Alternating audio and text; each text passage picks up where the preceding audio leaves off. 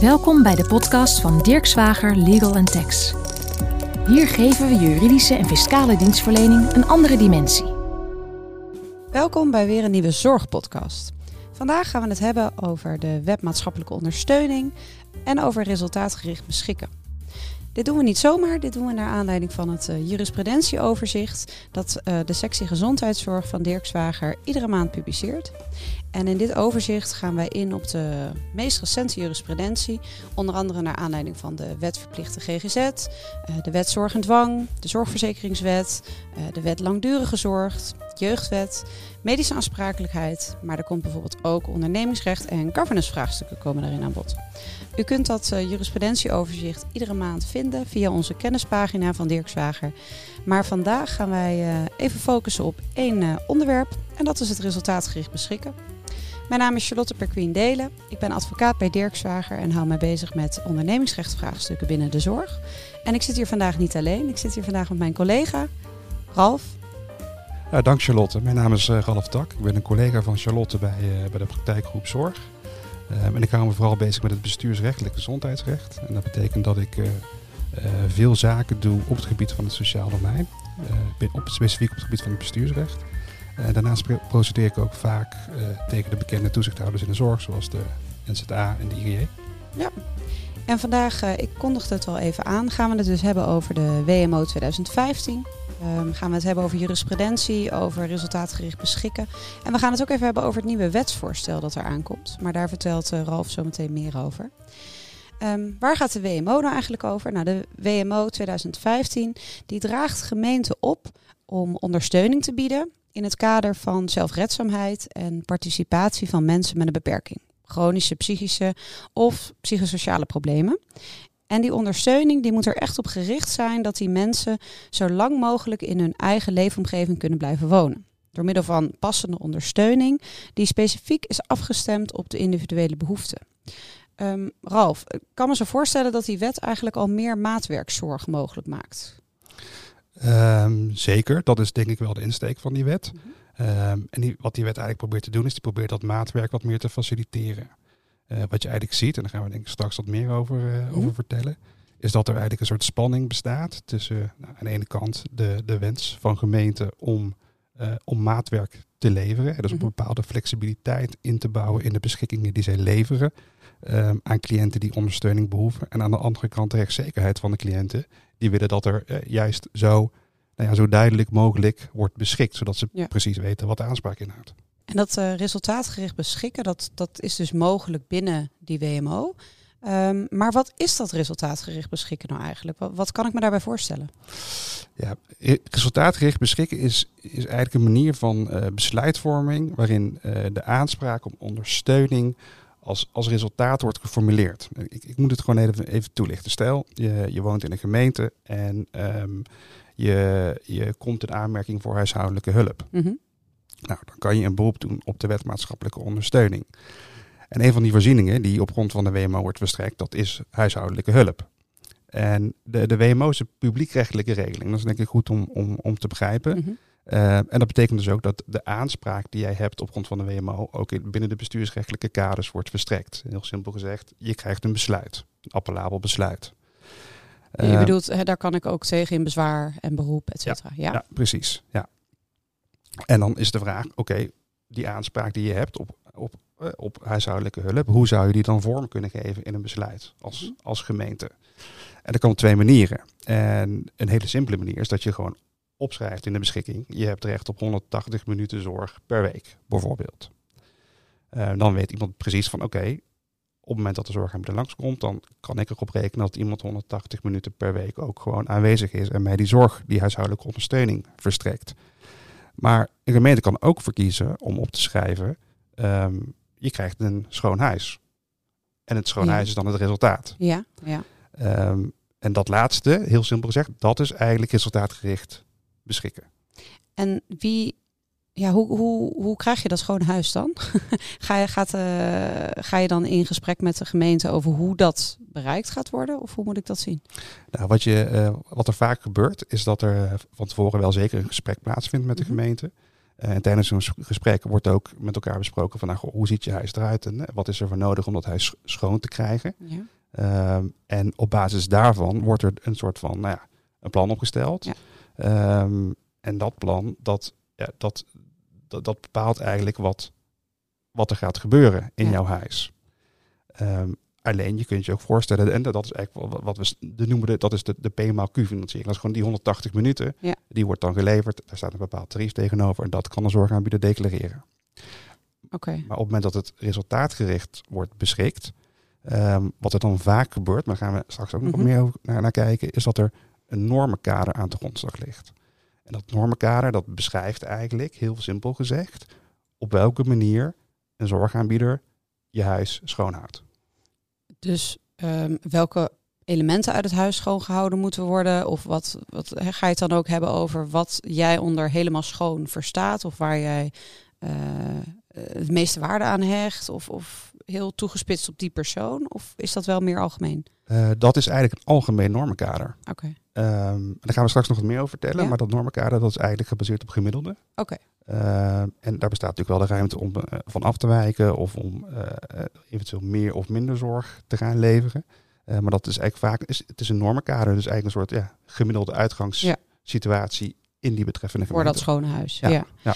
En um, ik begreep ook dat um, sinds invoering van de WMO, dat er eigenlijk ook gezocht wordt naar, uh, nou ja, je hebt een uiteindelijk resultaat, maar dat er ook heel erg gekeken gaat worden naar hoe kan dat bereikt worden. Daar is bijvoorbeeld een zorgaanbieder die, die, die kan daarbij om de hoek komen, maar bijvoorbeeld ook het eigen sociale netwerk of een andere algemene voorziening. Dat, dat wordt dus allemaal ook meegenomen in de resultaatgerichte beschikking. Of vindt dat al daarvoor plaats in dat gesprek? Dat is eigenlijk meer onderdeel van het onderzoek. Okay. Dus op het moment dat jij, de, op het moment dat jij een beschikking afgeeft, dan zul je altijd gewoon onderzoek moeten doen van nou ja, wat heeft iemand nodig. Ja. Um, en daar, daar is een bepaald kader voor gemaakt. Dat kader volgt eigenlijk uit de rechtspraak. En Mhm. je moet een aantal stappen zetten. Je moet eens kijken van oké, wat is de uh, wat, is de, wat is de vraag? Uh, welke ondersteuning zou je moeten om, inzetten? Wat zou de omvang van die ondersteuning moeten zijn? Nou, als je vervolgens dat hebt bepaald, dan moet je kijken, oké, okay, wat kan deze inwoner zelf doen of met Ja. behulp van zijn eigen netwerk? Ja. En dat deel wat eigenlijk resteert, ja, daarvoor heb je als gemeente de verantwoordelijkheid om dat te beschikken en dat te bekostigen en te zorgen dat dat ook gewoon uh, geleverd wordt. En daar uh, kan de zorgorganisatie kan dat onderdeel declareren. Ja, en, ja. ja. Oké. Okay. Um, dat levert dus denk ik wel hè, een grote mate van beleidsruimte op voor de gemeente. Zeker, uh, ja. um, en inderdaad dat, dat maatwerk, dat resultaatgerichte beschikken. Um, waarom is dat op dit moment zo'n ja, zo'n topic, zo'n belangrijk onderwerp, dat resultaatgericht beschikken? Nou, wat, mij, wat mij vooral opvalt, en dan kijk ik gewoon even naar hoe onze praktijk uh, Mhm. -hmm. ontwikkelt en ook naar de, de rechtspraak en de zaken die daarin voorbij ziet komen, is dat bij veel gemeenten de wens bestaat om resultaatgericht te beschikken. En eh, hoe, komt dat? Nou, dat heeft te maken met het feit dat, um, stel je voor, je krijgt een indicatiebesluit van 180 minuten per week ondersteuning. Um, Zo'n beschikking geeft je in de praktijk als zorgaanbieder heel weinig flexibiliteit. Um, je bent eigenlijk als cliënt ben je bijna geneigd om met een soort stopwatch naast de zorgaanbieder te gaan staan en zeggen van, oh, het is 179 minuten. Nee, ik heb nog recht op ik één minuut nog, zorg. Ja, precies, ja. Nee, dus jij moet hier zijn. Uh, ja, dat, en dan krijg je een hele rare situatie. Ja. Terwijl uh, iedereen, hè, we maken allemaal denk ik wel zo'n huis een keer schoon, hoop ik tenminste. uh, dan, dan weet je dat je uh, de ene keer heb je, uh, ben je binnen drie uur klaar. Ja. Maar de andere keer ben je binnen, heb je vier uur nodig. Maar soms ook weer binnen twee uur. Het hangt ervan af. Hoeveel bezoeken heb je die week gehad? Ja. Hoe heb je geleefd? Hebben mensen binnen gerookt? Nou, et cetera. Heel veel dingen kunnen, kunnen de omvang van de ondersteuning bepalen. Dus op het moment dat jij als gemeente zo wil beschikken dat er eigenlijk altijd genoeg ruimte is om dat huis schoon te krijgen, dan ga je eigenlijk automatisch wat aan de hoge kant zitten. Ja. Uh, en dat, dat leidt tot, misschien wel tot te veel kosten of extra kosten. Ja. Terwijl wat je eigenlijk wil, is je wil zeggen, oké, okay, ik wil een beschikking afgeven die de zorgaanbieder een bepaalde flexibiliteit geeft. Dat die de ene week juist die twee uur kan leveren of die andere keer Mhm. anderzijds die vier uur. Ja. En dat Als maakt, dat huis maar schoon is. Hè? Ja. Dat, ja. ja, precies. Zo- Zolang het resultaat maar behaald wordt. En dat maakt het heel interessant voor zorgaanbieders. Maakt Mhm. het heel interessant voor gemeenten. Eh, maar de keerzijde van de medaille is dat ja, die, die cliënt die al eigenlijk vroeger met stopwatch daar stond te kijken van nou, hoe, lang, hoe, lang, eh, hoe lang ben je bezig bij mij thuis? Ja, die weet niet precies, die weet niet precies wat zijn aanspraak is. Nee. Want die ziet dat eigenlijk pas op het moment dat, ja, dat het wordt uitgevoerd. En dan ziet hij, oh, maar ja, met huis is het toch niet echt schoon of toch niet zoals, Nee, als ik wens Dan krijg je weer die normen. En, ja, dus die heeft Ja. ook wel behoefte aan bepaalde rechtszekerheid. Hè? Die, Ja. Precies die maatwerk die jij steeds benoemt. Voor hem moet duidelijk zijn wat voor, wat voor zijn huis nou precies de norm is. Ja. En, en wanneer dat, dat huis nou schoon is. Ja. Nou, en die spanning, ehm, daar zie je in de praktijk, zie je gemeenten, zorgaanbieders, cliënten, zie je mee worstelen. Ehm, en dat maakt ook dat er op dit moment, vind ik in de jurisprudentie, dat er toch ook wel ehm, ja, ja, veel vragen over Mhm. ontstaan. Maar ja, dat, dat, dat maakt ook dat de, de wetgever heeft gezegd, ik wil dat ook wel in bepaalde kaders wil ik dat, eh, wil ik dat gaan binden. Ja. Eh, en nou, daarvoor ligt nu een wetsvoorstel. En Dat, dat, dus, ja, dat maakt het gewoon een heel interessant topic op dit moment. Ja, dat is eh, de wijziging van de wet van de WMO. Hè, Ja. In zaken het resultaatgericht beschikken. Dat is het wetsvoorstel waar eh Ralf het zojuist over had. Ehm, en de kern van dat wetsvoorstel is dus eigenlijk het geven van toch net wat meer kaders voor dat resultaatgericht beschikken. Ja. Ehm, als ik dan denk, hè, als, als, als, als buitenstaander aan die kaders, dan denk ik, oh oh, gaan er dan weer regels komen bij hoe ik dat resultaat moet bereiken. Dus gaat er dan toch weer komen met wat is een schoon huis en ik moet dan dus eh, een paar keer per week de toilet schoonmaken en dit doen en dat doen. Of, of zie ik dat, eh, is dat niet het geval? Eh, ja, dat hangt een beetje vanaf van hoe het wordt vormgegeven. Mhm. Maar uiteindelijk komen er wel ehm, komen er meer kaders op een abstract niveau. Ja. ehm, die de gemeente eigenlijk moet volgen. En die ehm, tot gevolg hebben dat je toch ook weer eh, met, met elkaar afspreekt en vastlegt wat de, nou ja, wat de beoogde ondersteuning is die Ja. iemand nodig heeft. Dus het zijn meer kaders eh, in het kader van hoe verloopt zo'n traject van resultaatgericht beschikken. Exact, En, ja. eh, maar er gaat natuurlijk niet in die wet komen, een schoon huis is dit. Nee. precies. Nee, nee. Nee, dus het is meer om zowel de gemeente meer eh, ja, guidance te bieden als zorgorganisaties, denk ik. En ook de cliënten. Ja. Zeker, ja. En ehm, hé, je, noemde een aantal keer, eh, in de rechtspraak is het aan bod gekomen. Ja. Ehm, wat is daar de, de stand van zaken ten aanzien van resultaatgericht beschikken? Nou, de, eigenlijk wordt er al, al ik denk sinds nou, de invoering van de WMO in 2015, eh, dan zie je al de eerste discussies eh, over dit onderwerp eh, opkomen. Je ziet dat de gemeenten daar toen eigenlijk al een beetje mee aan de slag gingen van kijken of we dit op een bepaalde manier Mhm. eh, anders kunnen, kunnen gaan vormgeven, die besluiten. Ehm, en wat ik denk dat een belangrijke, nou, ik noem maar even een piketpaal is geweest. Dat is een, eh, een uitspraak uit 2016. Dat ging over de gemeente Utrecht. En de gemeente Utrecht die indiceerde eigenlijk in modules. Dus op het moment dat jij een aanspraak had, dan kreeg je een beschikking. En dan, stond er bijvoorbeeld in, u heeft recht op de, de basismodule zorg. En die, die basismodule die was 78 uur per jaar, op jaarbasis. En eh, die zorg, dat, eh, die 78 uur, werd dan besteed aan een taak die weer afhankelijk was van de vraag. Dus ofwel aan.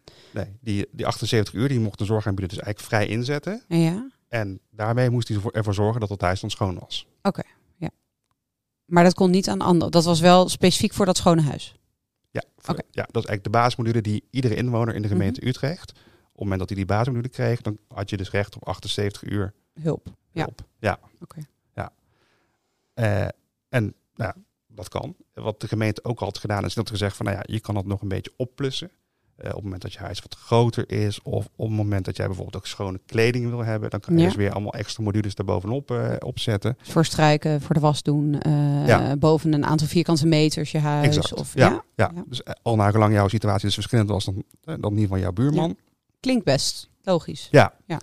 En alleen daarvan zei de rechter van, nou ja, op zich kan ik daar meegaan dat je Mhm. dat doet. Eh, alleen die 78 uur, ja, die moet je wel ergens vandaan halen. Ja, En- waar, waarop is die basis gebaseerd? Ja, en Ja. In, in, in de situatie van, eh, van Utrecht heeft de rechter daar vastgesteld dat, het, dat er geen deugdelijk, objectief, onafhankelijk onderzoek aan ten grondslag heeft gelegen. Dus dat eigenlijk, het was eigenlijk een, een norm die vooral paste bij het financiële kader van de gemeente Mhm. Utrecht, maar niet zozeer bij, nou ja, wat is de situatie van de gemiddelde inwoner in Utrecht. Ja.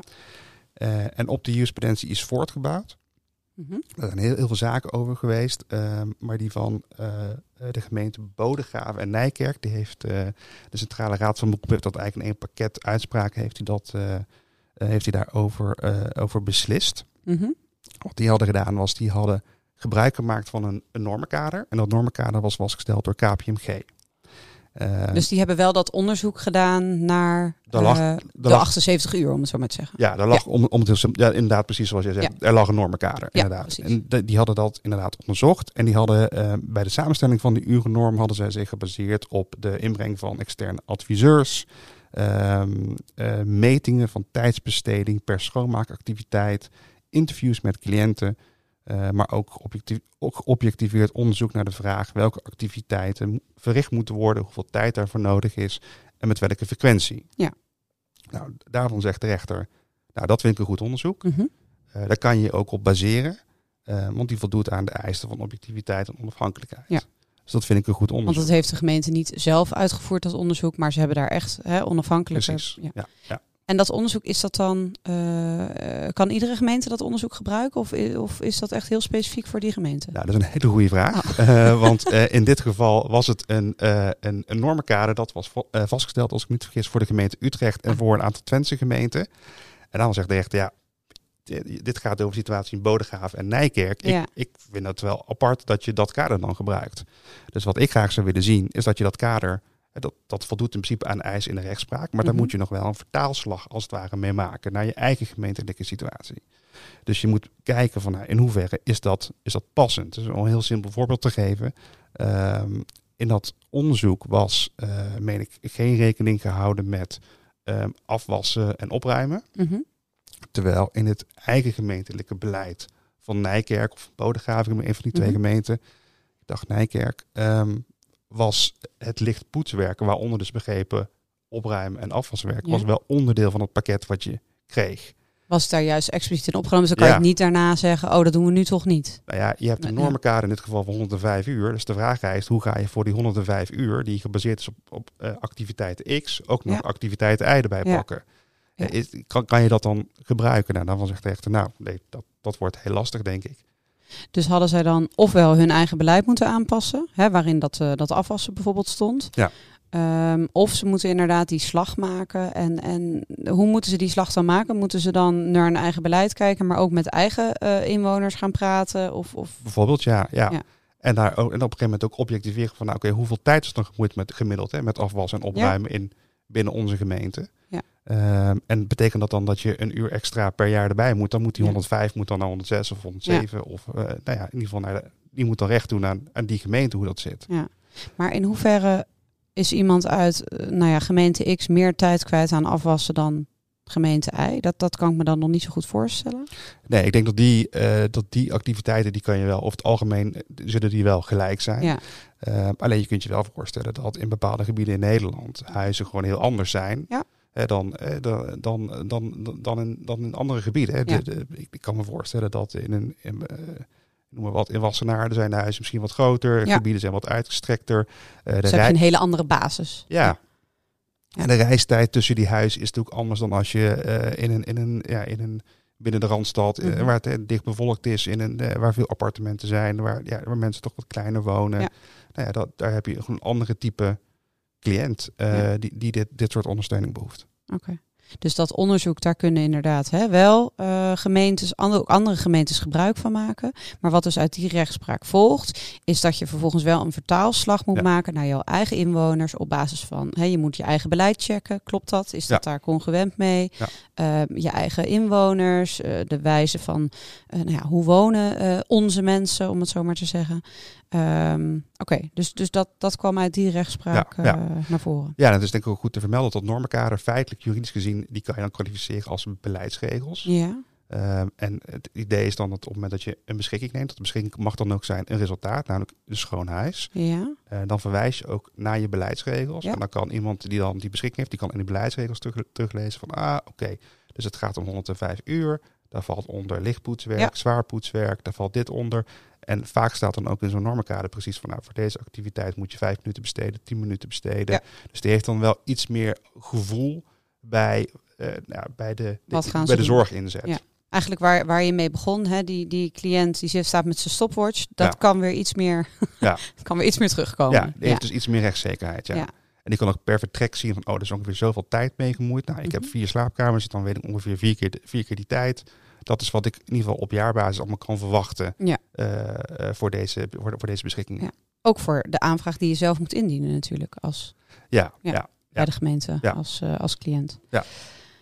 Ehm, zijn er verder nog ontwikkelingen in de rechtspraak die eh, het vermelden waard zijn rondom het resultaatgericht beschikken? Nou, je, je ziet wat nu wel een beetje uit, uitkristalliseert, is dat er dus eigenlijk die elementen van, eh, van, van tijd, frequentie Mhm. en activiteiten, ja, daarvan zeggen de bestuursrechters wel, ja, die willen we toch wel op de een of andere manier terugzien. Ja.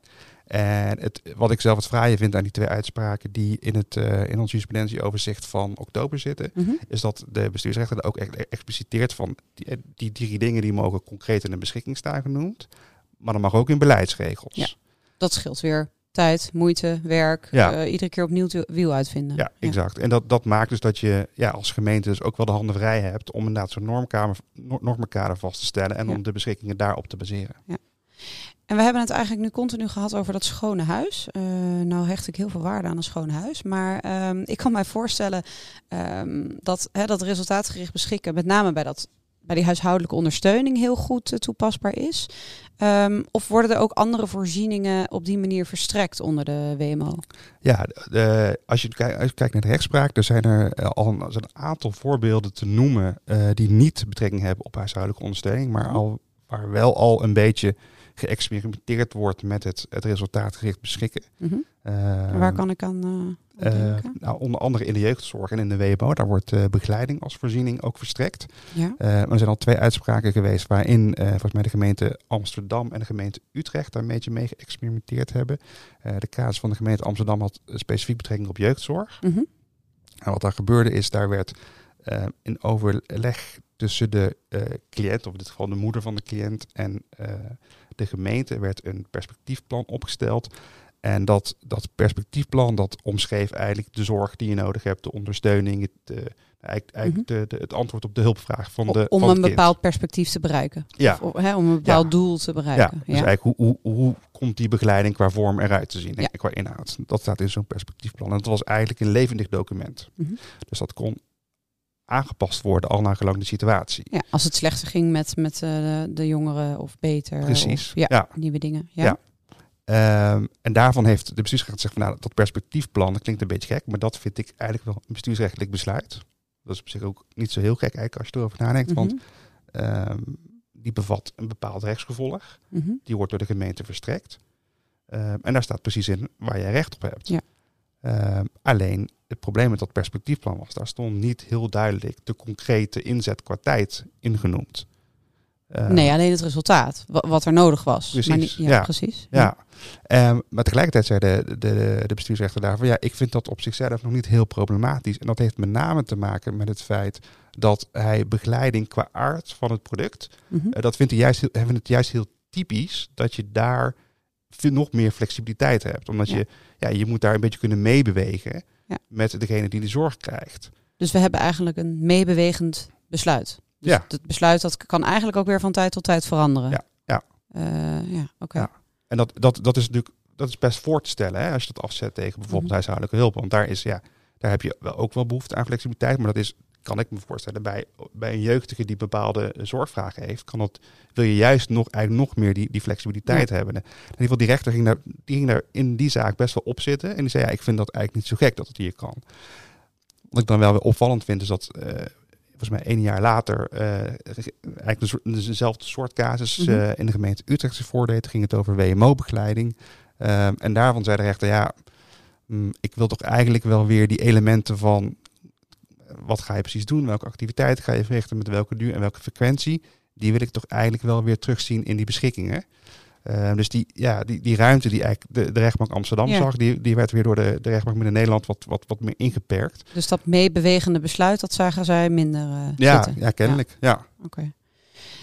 Ehm, we hadden het net ook al even, hè, we hebben het nu gehad over de rechtspraak. Eh, je hebt een aantal elementen genoemd eh, in het kader van resultaatgericht beschikken die, eh, die relevant zijn. We hebben het gehad over nou ja, dat dat uiteindelijk wel voor een deel in ieder geval wordt vastgelegd in een beleidsregel. Dat de gemeente ook daar naartoe kan verwijzen. En dat die hele rechtspraak en dat resultaatgericht beschikken eigenlijk ook ehm, eh, leidt tot wat meer handvatten voor cliënt en gemeente en zorgaanbieder. Maar tegelijkertijd hè, meer flexibiliteit omdat het gaat om, om dat resultaat. Ehm, we hebben het ook al eerder gehad over dat wetgevingstraject wat nu loopt. Kan je daar wat meer over vertellen? En wat is, ja, wat is daarvoor eigenlijk de aanleiding? Uh, nou, de aanleiding is eigenlijk dat de minister uh, onderkent dat, het, dat dit eigenlijk iets heel moois zou kunnen zijn voor gemeenten. Uh, maar dat er dus eigenlijk die, die spanning bestaat tussen de enerzijds rechtszekerheid ja. en de anderzijds de wens van, van, de, van de financier en de zorgaanbieder om, om meer flexibiliteit. Ja. Dus die heeft de Kamer ten toe gezegd van nou, ik wil gaan dat onderzoeken of dat mogelijk is. En dan wil ik een, een wetsvoorstel voorbereiden en kijken of we dit ja, in ieder geval kunnen formaliseren in, in de WMO zelf. Ja op zo'n manier dat, uh, nou ja, dat, het, dat het gewoon praktisch uitvoerbaar is. En dat het wel flexibel blijft. Dat dat, dat mogelijk. En is dat ook naar aanleiding van bijvoorbeeld die ja, eigenlijk rechtspraak dat elkaar tegenspreekt? Ja. Uh, dat maakt ook niet heel veel duidelijk. Ja, nou ja, het is inderdaad wel inderdaad de, de ontwikkeling die in, in de hele rechtspraak eigenlijk is gesignaleerd. Ja. Dat, dat is wel even een aanleiding geweest voor dit wetsvoorstel. Ja. ja, en waarbij misschien rechters ook behoefte hebben aan meer guidance. En, en ik bedoel, ja, zij kunnen, zij zijn niet uh, de wetgever. Nee. Dus wellicht vinden zij het ook wel prettig als er wat duidelijkheid komt. Ja, dat kan ik me voorstellen, ja. ja. Um, wat houdt het wetsvoorstel in? Um, wat, wat, gaat er eigenlijk veranderen? Of wat is in ieder geval de bedoeling van de wetgever? Want we hebben nog geen wet. Nee. Het is nog een voorstel. Uh, maar wat houdt het voorstel in? Het voorstel houdt in dat gemeenten uh, van tevoren eigenlijk de voorzieningen identificeren waarvan zij zeggen van die zou ik in de toekomst resultaatgericht willen beschikken. Ja, bijvoorbeeld dat schoonmaken van het huis. Precies. Begeleiding ja. van een jeugdige. Ja, nou die, en die leg je in je gemeentelijke verordening vast. En op het moment dat je dat hebt gedaan, ben je ook eigenlijk wel gehouden om dat voortaan op die manier te beschikken. Ja. Um, en wat je eigenlijk doet is, je, je, je doorloopt uh, een proces. En dat proces dat bestaat uit eigenlijk de, de, drie betrokkenen die bij zo'n beschikking komen kijken. Dat is de gemeente, dat is de zorgaanbieder en dat is de cliënt. Mm -hmm. um, het gedacht is dat de WMO-consulent van de gemeente um, allereerst gaat onderzoeken wat precies de ondersteuningsvraag is van de inwoner. Mm -hmm. Dus welk resultaat moet er bereikt gaan worden? Ja, of nou eigenlijk wat is gewoon je vraag? Wat, ja. wat wil je? Ja. Wat, wat... Eigenlijk vaststellen, god, er moet iets gebeuren met het huis wat schoon moet. Of, Bijvoorbeeld, ja. ja. Mm -hmm. En je kunt je voorstellen dat, eh, eh, dat zo'n cliënt dat niet misschien zelf heel goed onder woorden nee, kan brengen. Dat je moet, lastig is. Ja, je ja. Moet, en je, wat we ook net bespraken. Het, en dat, dat, dat zegt de wetgever ook expliciet. Er geldt ook een kader mm -hmm. op basis van, uh, van de rechtspraak. Dus je onderzoekt wat is de, precies de ondersteuningsvraag. Ja. Welke, welke hulp is noodzakelijk? Wat is de intensiteit ervan? Hè? Hoe, naar aard en omvang, wat zou je dan moeten verstrekken? En wat kan je zelf? Ja. Want wij moeten ook allebei ons huis schoonmaken. Maar ja, ja. dat wil niet zeggen dat wij zomaar naar de, naar de gemeente kunnen nee, stappen. Precies. Dus echt die noodzakelijkheid lijkt me ook hier wel cruciaal. Ja. Is het echt nodig of kunnen we het ook uh, op een andere manier bereiken? Zoals bijvoorbeeld dat sociale netwerk waar we het eerder precies. over hadden. Ja, ja. ja. Okay. Nou, op het moment dat je dat hebt kunnen blootleggen, van nou, dit is echt, dit kan iemand niet zelf, maar is wel nodig. Nou, ja. Dan zeg ik, okay, daar moeten we een voorziening voor toekennen. Mm -hmm. Dus eigenlijk, dat proces dat loopt eigenlijk zoals dat proces ook nu verloopt. Ja. Um, alleen wat, wat nieuw is, is dat de zorgaanbieder betrokken kan worden bij die besluitvorming. Mm -hmm. uh, en dat kan op twee manieren. De wet maakt daarin onderscheid tussen een, wat zij noemen de onderzoeksfase en de aanvraagfase. Mm -hmm. um, en wat er kan gebeuren is dat de zorgaanbieder al gedurende de onderzoeksfase en dan wordt er nog geen aanvraag gedaan, maar dan wordt alleen gekeken van nou, wat heb je nou precies nodig, dat die al wordt betrokken. Dat is waar die WMO-consulent met uh, ja. de cliënt in gesprek gaat, of ja. de potentiële cliënt in ja, gesprek gaat. Ja, okay. dus dan ben je eigenlijk nog aan het onderzoeken van nou, wat, wat heb je nou precies nodig. En dan kan de zorgorganisatie meekijken vanuit ook hun expertise of ervaring in andere... Oké, okay, ja. En de gedachte is dat er samen eigenlijk een ondersteuningsplan wordt opgesteld. Ja. En dat ondersteuningsplan, uh, dat is eigenlijk vormt de basis voor de aanvraag. En um, op het moment dat die aanvraag wordt gedaan, mm -hmm. dan moet de gemeente binnen twee weken een beschikking nemen. En okay. wat je dan vaak ziet, dat is vrij snel. Maar ja. dat, als het goed is, ligt er dan ook een uitgewerkt ondersteuningsplan waar nou ja, partijen zich in kunnen vinden. Ja. Uh, en ze weten al dat het haalbaar is voor de zorgorganisatie. Precies, omdat ze er eerder bij betrokken was. is geweest. Precies, ja. ja. Okay. ja. Um, en ja, dat, dat ondersteuningsplan maakt dan ook deel uit van die toekenningsbeschikking. Mm -hmm. Dus daar staat ook precies in wat jij nodig hebt. Ja. Um, en dat is dan dus ook niet echt een verrassing voor de cliënt, omdat hij nee. wordt betrokken in dat hele proces. Exact. Ja, ja. en dat eigenlijk samen met de zorgaanbieder moet opstellen. Ja. Um, dus ja, dat is, dat is voor hem heel prettig. Mm -hmm. En het, de tweede manier is dat, de, dat er een aanvraag wordt ingediend door de cliënt zelf. Ja. En dat de gemeente zegt, oké, okay, ik heb een aanvraag ontvangen. Um, en ik win advies in bij de zorgaanbieder. Daar kan hij, daar kan hij ook voor kiezen. En dan, eigenlijk gebeurt dan hetzelfde. De zorgaanbieder geeft dan advies af, maar dat is denk ik, zo begrijp ik het, het, het, het voorstel van de wet, dat is dan iets minder in samenspraak met de Ja, cliënt zelf. Iets meer onafhankelijk van, Ja. nou, in vergelijkbare gevallen Ja. hebben wij dit zonder echt dat actieve gesprek aan te gaan. En, en eh, oké. Ja. Oké. Dus dat is dan een keuze aan de gemeente op welke manier ze dat willen Ja. doen? Of, of is het nog een keuze aan de wetgever? Nee, dat is, vooral zoals ik nu begrijp, is het nog een keuze Ja. voor de gemeente om te bepalen hoe die dat inricht. Oké. Ja. En in de, ja, dat is het huidige voorstel. Hè? Wat we zeiden, we hebben het hier niet over een geldende wet. We hebben het over mogelijk toekomstig eh, recht. Ja. Ehm, welke gevolgen heeft dit nou precies voor gemeenten en zorgaanbieders? Ze gaan in ieder geval meer actief ook met elkaar de dialoog aan als ze dat al niet doen. Zeker. ja. Ehm, En welke andere gevolgen voorzie jij met dit wetsvoorstel? Nou, eigenlijk, eh, dat, wat je noemt vind ik wel even heel interessant om bij stil te staan. Mhm. Ehm, want het, het, het, het wetsvoorstel suggereert eigenlijk dat zorgaanbieder en een gemeente ehm, misschien wel meer dan nu het geval is, echt partners worden van elkaar. Ja. Dus die moeten met elkaar samenwerken. En wat het wetsvoorstel tegelijkertijd ook regelt, is dat de, de eindregie uiteindelijk bij de gemeente blijft. Wat ook logisch is, want die geeft de beschikking af. Ja. En die heeft van de wetgever de opdracht gekregen om voor die voorzieningenzorg. die, die is te verantwoordelijk ook voor dat er in zijn gemeente Ja, die zorg wordt verleend. Hè? Exact, ja. precies. ja. Ehm, Maar is de gemeente ehm, niet ook een soort opdrachtgever van de zorgorganisatie? Zeker. Ja. Eh, dus je, je hebt ook een beetje een, een conflictering in, in nou ja, functies, belangen. ehm, Zeker, ja. Ja. ja. en de ene betaalt en de ander voert uit. Dus, dus Ja. je, voelt, je voelt al een beetje de spanning aankomen.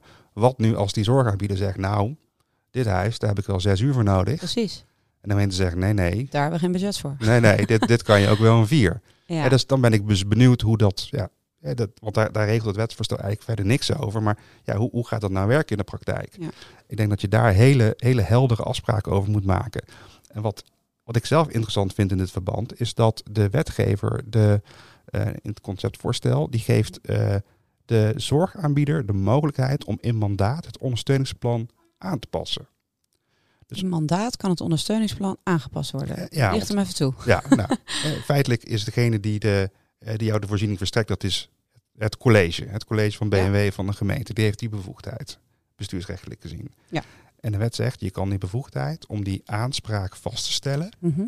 Daar waar het gaat om eigenlijk een, een, eh, eh, een- een wijziging van je lopende ondersteuningsplan. Ja, Die kan je mandateren. Dus dan draag je die bevoegdheid over.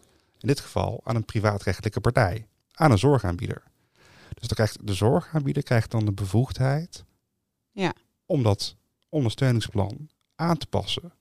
Terwijl dat ook degene zijn die declareren. Uit, en eh, uitvoeren. en er ook eigenlijk belang bij hebben, om het maar heel zwart-wit te zeggen, dat het eh, een x aantal uur is. Of eh, ja, ja. ja. als, ja, als het goed is wel. Ja, Ja. ja. Maar dat, het- ja, ja, dat is heel interessant. Want het blijft een bevoegdheid van het college. Ja, eh, maar een ander wendt hem aan. en dat Die- mag naar een private partij dus eigenlijk. Je mag iedereen mandateren, Ja. juridisch gezien.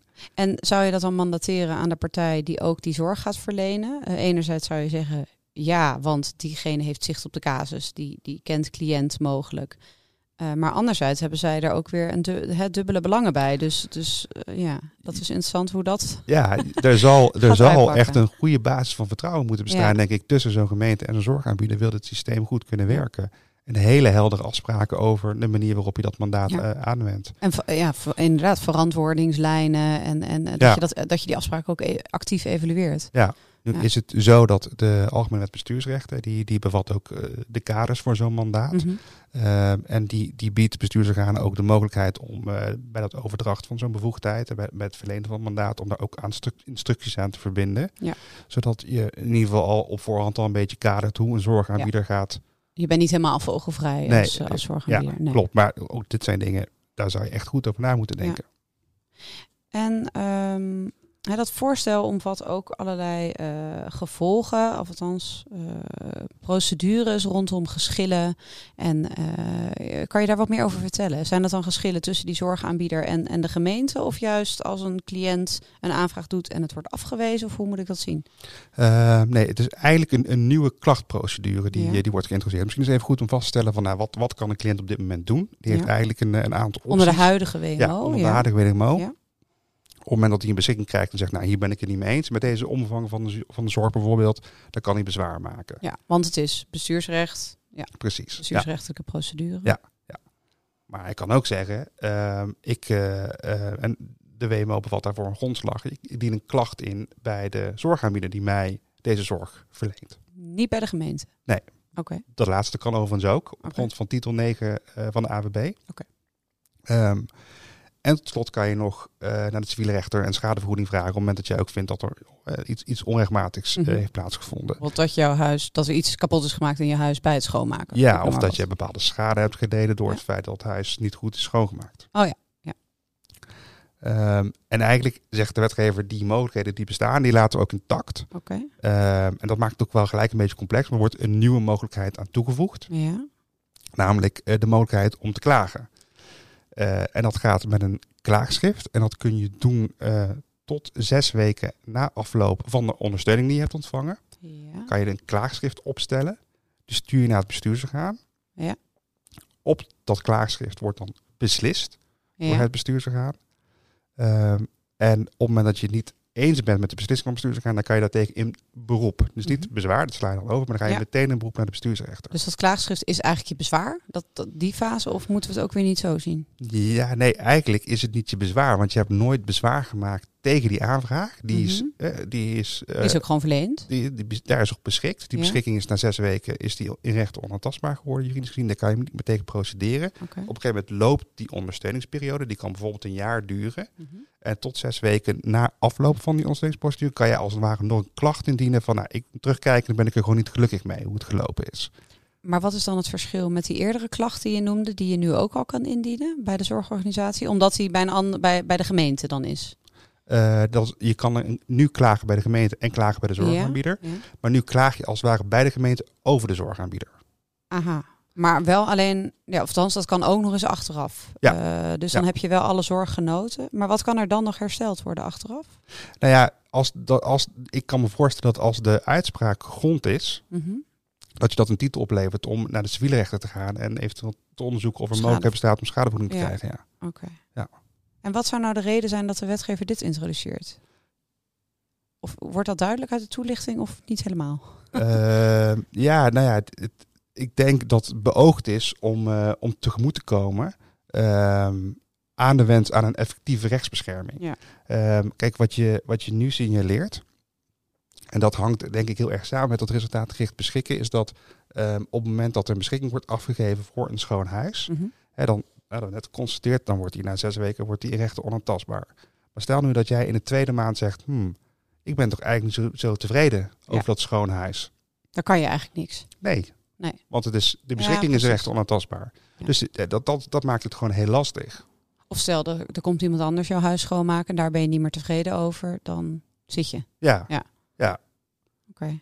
Dus dit beoogt eigenlijk te voorzien in de behoefte om alsnog iets te doen. Op het moment dat je eigenlijk die beschikking is, is die, die, die staat vast op een gegeven Ja. moment. Maar je, je bent toch niet tevreden. Nou, wat kan je dan doen? Nou, dan is dit een soort geschilprocedure die je dan eh, zou kunnen voeren. Ja, en ook ehm, als ik dan kijk, je had het zojuist over dat de zorgorganisatie ook vanuit de gemeente meer bevoegdheden kan krijgen. En dit wordt soort van ook weer een soort controlemechanisme, omdat er dan vervolgens wel klachten kunnen worden ingediend tegen die zorgorganisatie. Nou ja, eh, als de gemeente daarvan op de hoogte eh, hè, wordt gebracht, dan kan die ook gaan denken, hey, gaat dit wel goed hier? Gaat, Worden er wel, eh, Ja. ja. Ja, klopt. Ehm, ja, nou, dit, dit was heel veel over resultaatgericht beschikken. Ehm, over de, de huidige WMO, over het nieuwe wetsvoorstel. We hebben wat jurisprudentie behandeld. Ehm, overigens, die jurisprudentie kunt u ook teruglezen in het jurisprudentieoverzicht, wat eh, iedere maand verschijnt vanuit de sectie gezondheidszorg. Ik noemde hem al even. Eh, we zullen de link daar uh, naar die pagina ook even opnemen in de, hoe noem je dat? De, de show notes van deze aflevering. Dus daar kunt u het ook terugvinden. Um, Ralf, zijn er nog dingen waarvan je zegt, nou dat moeten we echt nog even bespreken? Um, nee, nee ik, ja, ik ben gewoon heel benieuwd um, hoe, hoe het, het, het verloop van het wetsvoorstel ja. Uh, zal zijn. Uh, ten meer ook omdat de Raad van State zich best kritisch heeft uitgelaten over het wetsvoorstel. Want die hebben advies gegeven. Wat is de verdere planning van het wetsvoorstel? Althans in grove lijnen? Is nog niet bekend. Okay. Er is inderdaad al geadviseerd door de Raad van State. Dan mag het terug naar de minister. Die ja. dan uh, eventueel het, het, voorstel mag aanpassen naar aanleiding van dat advies. -hmm. En wanneer die dan indient bij de Kamer, dat is onzeker. Ik hoop in 2023. Ja. Als het komt. Um, maar ja, dit, ik ben gewoon heel benieuwd. Met name de, ja, die rechtsbescherming, die, die, daar is best wel veel kritiek op. Ja. Um, uh, omdat in die, in die procedure bij de, bij de bestuursrechter tegen zo'n klaagschrift, daar is uh, de zorgaanbieder zelf geen formele partij. Okay. En je ziet echt wel dat die behoefte er bestaat. Ja. Goh, die zou je er eigenlijk wel echt formeel bij moeten hebben. En je zou eigenlijk ook al de mogelijkheid moeten hebben om die dan uh, aanspreken. Ja, Ja. en, en tot schadevoeding te veroordelen. Ja. Want dan heb je hem echt eff- effectief. Hè? Het is, het is een, je zit in een drie partijen verhouding. Dus je, je verwacht dan ook dat die drie partijen dan ook bij de bestuursrechter. Aangesproken. Ja. eh, ja, ja. ja, die rechtsbeschermingsprocedure die Ja. er nu in dat voorstel in ieder geval is opgenomen. Ja. Eh, nou ja, waarschijnlijk tot die tijd eh, verschijnt er genoeg in onze jurisprudentieoverzichten over resultaatgericht beschikken. Zeker, ja. Ehm, ja, dan, dan eh, wil ik jou in ieder geval heel hartelijk danken voor al deze informatie over dat resultaatgericht beschikken.